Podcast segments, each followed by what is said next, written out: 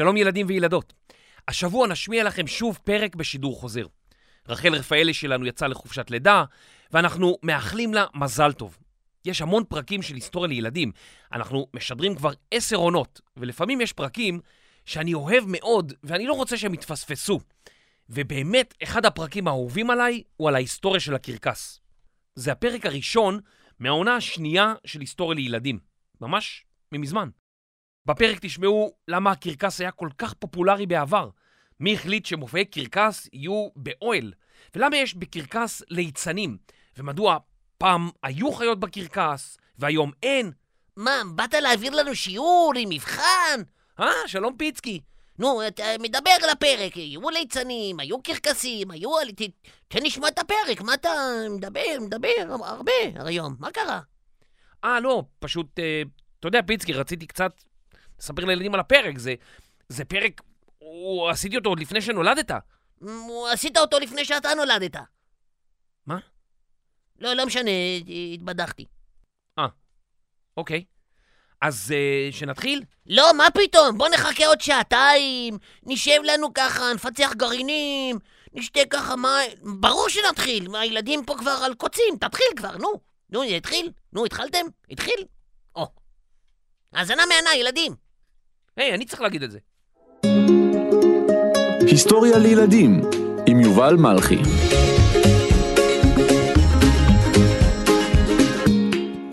הקרקס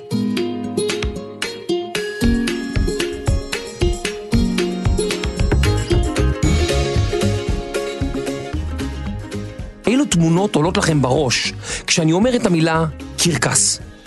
ספרו לי. רגע, רגע, אל תהיו ליצנים, כולכם מדברים בבת אחת. קרקס. המילה הזאת מצחיקה אם אומרים אותה כמה פעמים ברצף.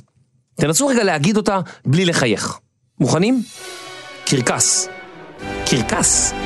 קרקס. קרקס.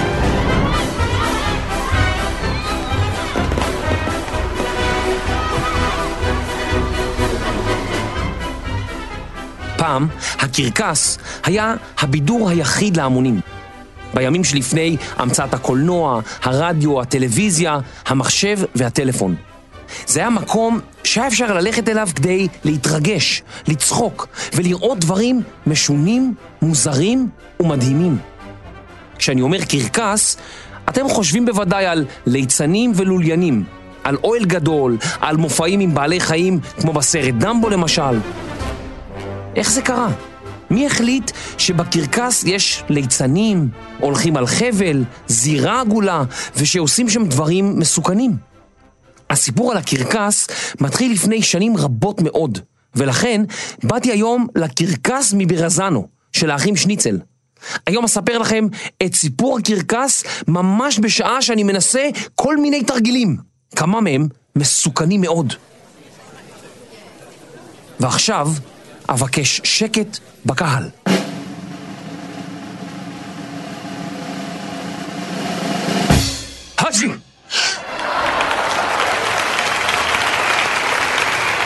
תודה רבה, תודה רבה, תודה רבה, תודה רבה. לפני אלפיים שנה היו הרומאים אנשים חרוצים ויעילים מאוד. הם כבשו שטחים רבים והקימו אימפריה ענקית שהשתרעה על פני ארצות רבות באגן הים התיכון. אבל הם גם אהבו ליהנות מהחיים. גם אתם, אילו הייתם מקימים אימפריה, הייתם רוצים קצת בידור אחרי כל העבודה הקשה. לא ככה. תושבי הערים באימפריה הרומית בילו בבתי מרחץ, שבהם יכלו להתקלח ולהתרענן, הלכו לראות הצגות וביקרו גם באמפי תיאטרון. תיאטרון עגול שהבמה במרכזו. אחד המבנים המפורסמים ברומא, שנשמר עד ימינו, הוא הקולוסיאום. זהו שמו של מבנה אמפי תיאטרון, אחד מיני רבים שנבנו ברחבי האימפריה הרומית. בזירת האמפי תיאטרון היו נערכים קרבות בין גלדיאטורים, לוחמים שנאבקו זה בזה. מרוצי סוסים או קרבות בין גלדיאטורים לחיות טרף מסוכנות. והקהל, או, הקהל היה באקסטזה. הם היו שרים ומריעים. לא, לא ככה.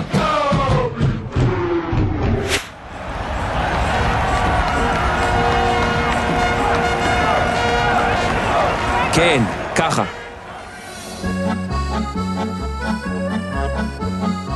המופעים שנערכו ברומא העתיקה היו די אכזריים במונחים של ימינו. אבל תושבי האימפריה הרומית לפני אלפיים שנה לא חשבו כך. הם אהבו ללכת לאמפיתיאטרון, שנקרא גם קירקוס, מבנה מעגלי בלטינית. מהקירקוס הזה נוצרה גם המילה קרקס. ככל שהאוכלוסייה ברומא גדלה, יותר ויותר אנשים רצו לראות את המופעים המרהיבים, וזירות קרקס שונות נבנו ברומא. מספרים שאחת מהן הייתה כה עצומה, עד כי רבע מיליון איש יכלו לצפות בהופעה בבת אחת. לאחר נפילתה של רומא, בראשית המאה החמישית לספירה, לא קמו עוד מבני ענק שכאלה. ובמקומם החלו אנשים או חבורות קטנות לעבור מעיר לעיר באירופה ולהופיע בהן. הם הציגו חיות מאולפות, תרגילים מיוחדים, קסמים ועוד כל מיני טריקים. אבל כל אלו לא היו דומים באמת לקרקס. עד שהגיע בחור אנגלי, ושמו פיליפ אסטלי. פיליפ אסטלי היה פרש בצבא הבריטי במאה ה-18. המאה המסתיימת בשנת 1800. אסטלי השתתף בקרבות שהיו מעורבים בהם סוסים, שידעו לבצע עם הרוכבים שלהם כל מיני פעלולים. למשל, קפיצה עם הסוס מעל מכשולים. פיליפ שב ללונדון לאחר המלחמה. הוא פתח בית ספר לרכיבה על סוסים. בשעות הבוקר הוא היה מלמד, ובשעות הערב היה מופיע לפני קהל. ומציג פעלולי רכיבה מכל מיני סוגים. עד מהרה דעכה ההתלהבות מהמופע הרגיל שלו. אנשים אהבו את הסוסים, אבל זה לא הספיק להם. אסלי החליט להרחיב את המופע, וצירף פעלולנים אחרים שהתמחו בכל מיני תחומים. הליכה על חבל, אקרובטיקה, כלומר לוליינות, וגם ליצנים. הליצנים הציגו מופעי נפילות וג'אגלינג ששעשעו את הקהל. בית הספר לרכיבה של אסלי הפך לזירת קרקס.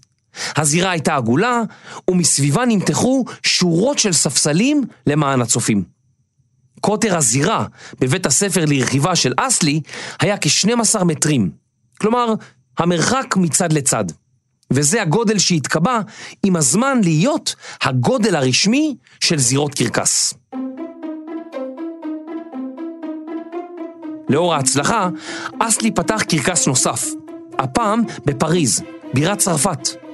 אולם הוא לא נשאר לבדו בעסקי הקרקס, משום שבתוך זמן קצר נכנסו לעניין עוד יזמים שזיהו את ההזדמנות.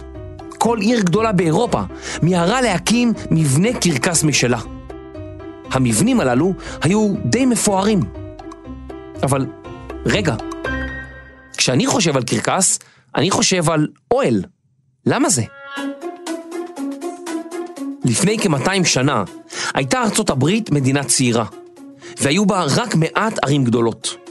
מארגני הקרקס לא יכלו להרשות לעצמם להתמקם במקום אחד, כמו שעשו בערים גדולות מאוד באירופה, למשל לונדון ופריז. הם היו צריכים לנדוד מעיר לעיר, והחלו לעשות שימוש באוהל גדול. חבורות הליצנים והאקרובטים וכל מי שהופיע בקרקס הפכו ללהקות נודדות, שעוברות ממקום למקום. כך נולד הקרקס הנודד.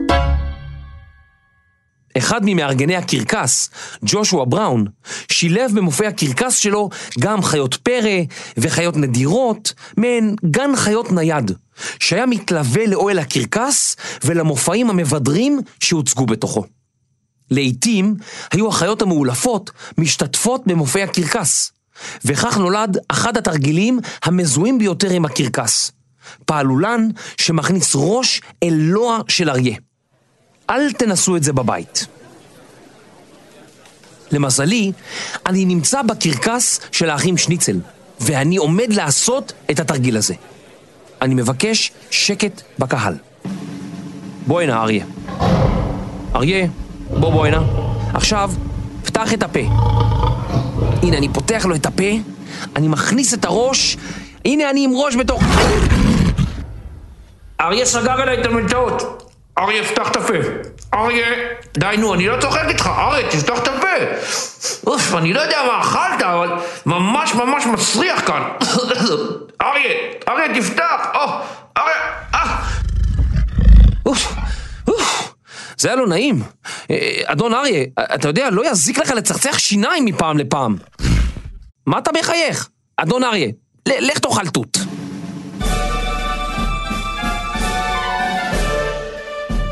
הקרקס הנודד התאפשר עכשיו לכולם, ולא רק למי שגרו בעיר גדולה.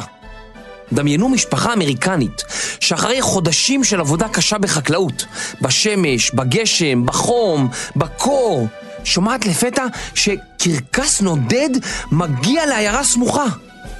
בני המשפחה עולים לעגלה, מושכים במושכות ונוסעים בהתרגשות גדולה לראות עולם שלם שבא מרחוק. עד מהרה היו להקות של אנשי קרקס בכל רחבי המדינה הצעירה.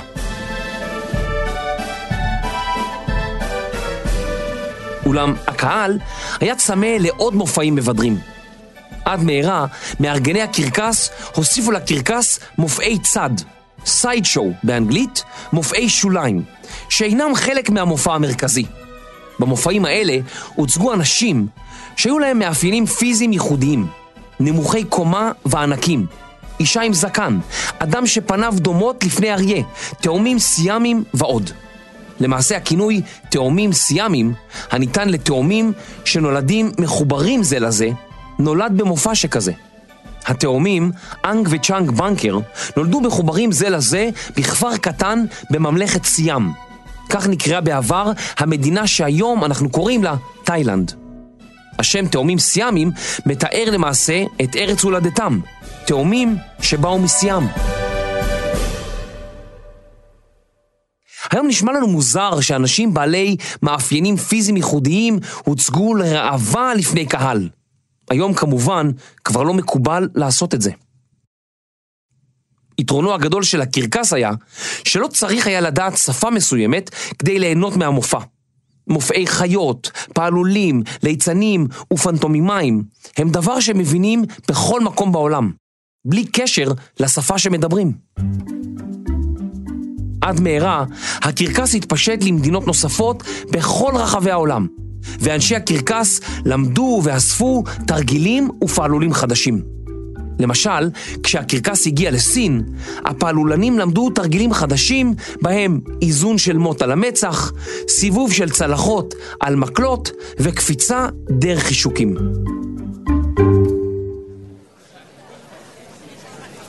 אני שוב כאן, בקרקס של האחים שניצל.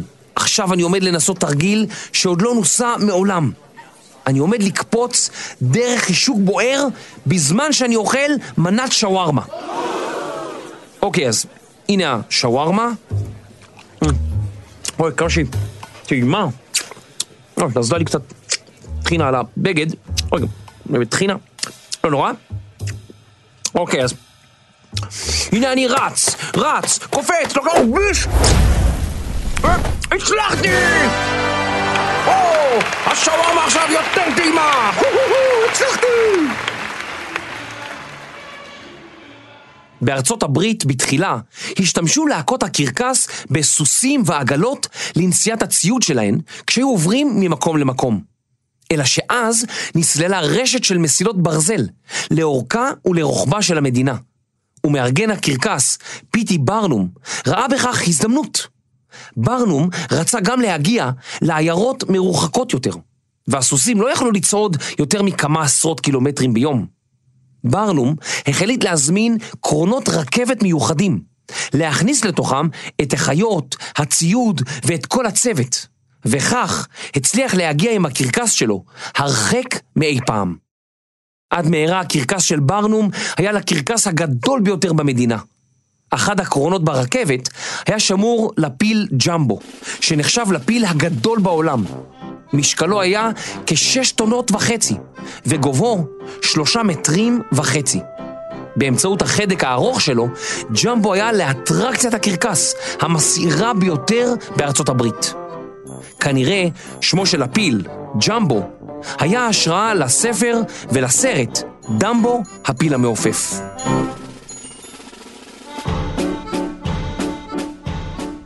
כששיירות הקרקס היו קטנות ועברו מעיר לעיר בעגלות רתומות לסוסים, מאות אנשים באו ללוות אותן.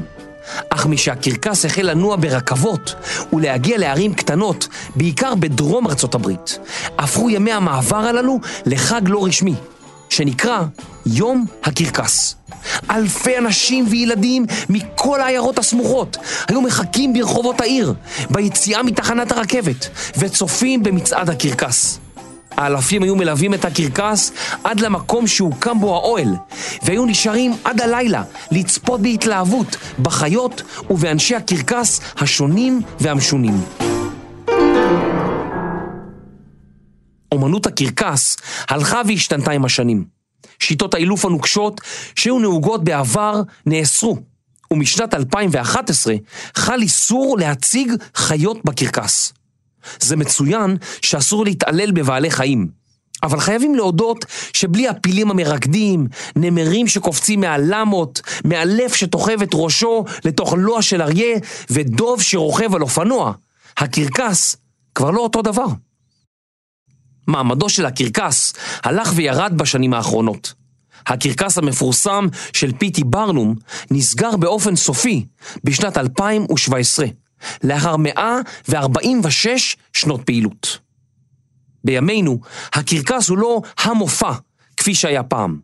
אמנם אנחנו הולכים לצפות בהופעות הקרקס בחופשים או במועדים מיוחדים, אבל זה שונה ממה שהיה בעבר. נסו לדמיין לעצמכם את עצמכם גרים בעיירה מרוחקת, ופתאום מגיעות שמועות על קרקס שבא לעיירה. במשך ימים שלמים אתם מדמיינים מה תראו בקרקס. לילה לפני כן אתם לא יכולים להירדם. כשסוף סוף נרדמתם, חלמתם על פילים ענקיים, ועל אריות ונמרים, ודוב מרקד, ואנשים שהולכים על חבל דק בגובה רב, ועל להטוטנים וליצנים. למחרת, כשהקרקס היה מגיע העירה, זה היה היום הכי מדהים בחייכם. יום שלא הייתם שוכחים. מהרגע שנגמרה ההופעה, מתחילים לחכות כבר לשנה הבאה, שהקרקס יחזור העירה. נסו לדמיין את זה. אולי כך תצליחו להבין מה היה הקרקס בשביל הדורות הקודמים לשלנו.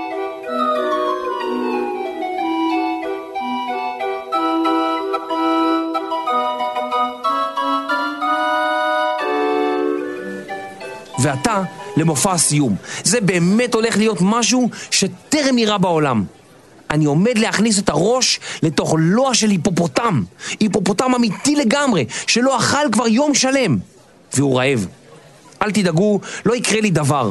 ההיפופוטם הזה מאולף לגמרי. אוקיי, אז הנה אני מכניס את הראש לתוך לוע של היפופוטם. הנה אני שם את הראש, אני שם את הראש בתוך ההיפופוטם. יואו, אני לא מאמין. ההיפופוטם בלע אותי. הלו? הלו, יש כאן מישהו? אתם יכולים להוציא אותי מכאן? אני פה בתוך ההיפופוטם. מה אתם צוחקים? ילדים, תוציאו אותי מכאן. רגע, אולי אני אדקדק אותו. יש לי בכיס נוצר, רק שנייה. נוציא מהכיס את הנוצר, הנה, נדקדק אותו. או, הנה הוא זז. הנה הוא זז, הוא זז. אוי, אוי, הנה הוא מקיא אותי החוצה. כנראה ממש חכם שלא יהיו חיות בקרקס. או לפחות שאני לא אנסה כל מיני שטויות בקרקס. אז אהו היפו, ולהתראות בפרק הבא.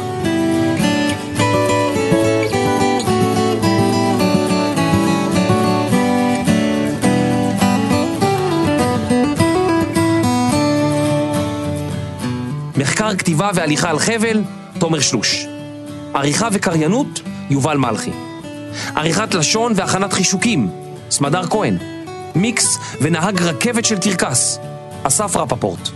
הפקה וניהול קרקסים, רני שחר ואייל שינדלר.